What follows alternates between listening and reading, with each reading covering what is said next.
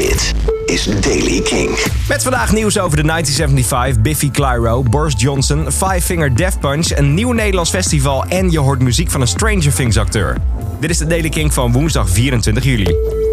Gisteren verscheen op de social media van de 1975 een afbeelding die waarschijnlijk wat te maken heeft met het komende album Notes on a Conditional Form.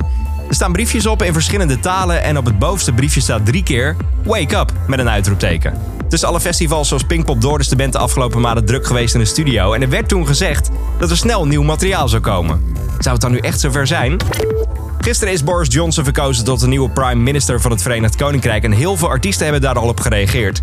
Zo zegt Tom York op zijn Twitter: Fuck you, prime minister.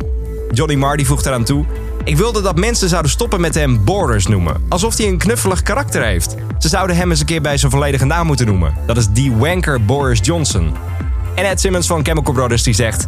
Meer chique rijke mensen die ons vertellen optimistisch te zijn over de brexit... wanneer hun eigen experts zeggen dat het een ramp zal zijn? Het is heel vreemd. Gezellige boel daar.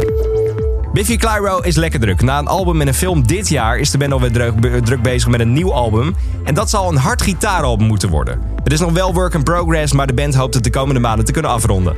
Voor dit album werkte ze samen met Rich Costi, de producer die eerder al samen met Muse werkte voor bijvoorbeeld Black Holes en Revelations. Het moet een rockalbum worden met een modern vibe. Er komt de Nederlandse editie van het Duitse festival Pure and Crafted.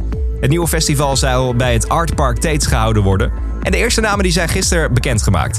28 september dat treden Swedish Def Candy, Indian Askin, Sons en Bad Nerves op. Meer namen zullen waarschijnlijk volgende week al komen.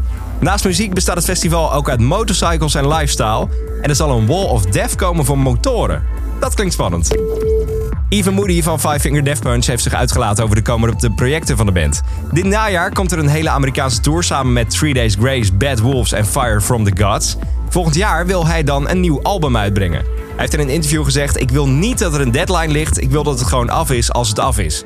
Ik hoop het wel begin volgend jaar 2020 uit te brengen, dat is mijn persoonlijke doel. Dat de kids uit Stranger Things muzikaal zijn, dat mag wel duidelijk zijn. Eerder al kregen we muziek van Finn Wolfhard, oftewel Mike uit Stranger Things met zijn Calpurnia. Recent ook nog Gaten Matarazzo, oftewel Dustin, die met zijn band Work in Progress lekker bezig is. Nu heeft Joe Keery in de serie te zien als Steve The Hair Harrington nieuwe muziek. En dat is ook echt een prima liedje. Hoor maar. Things are looking up. That time is.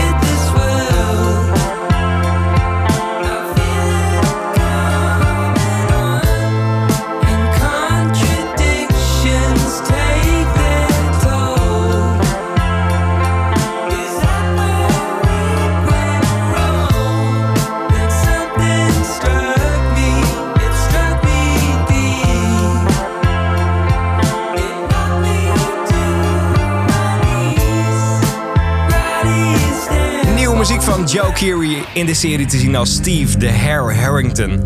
Wat een mooie muzikale club bij elkaar, hè? Tot zover deze editie van The Daily Kink. Dagelijks ben je binnen een paar minuten bij met het belangrijkste en laatste muzieknieuws, de nieuwste releases. Check dagelijks een nieuwe Daily Kink. Ook al zit je in de Upside Down via kink.nl, Spotify of je favoriete podcast-app. Elke dag het laatste muzieknieuws en de belangrijkste releases in de Daily Kink. Check hem op kink.nl of vraag om Daily Kink aan je smart speaker.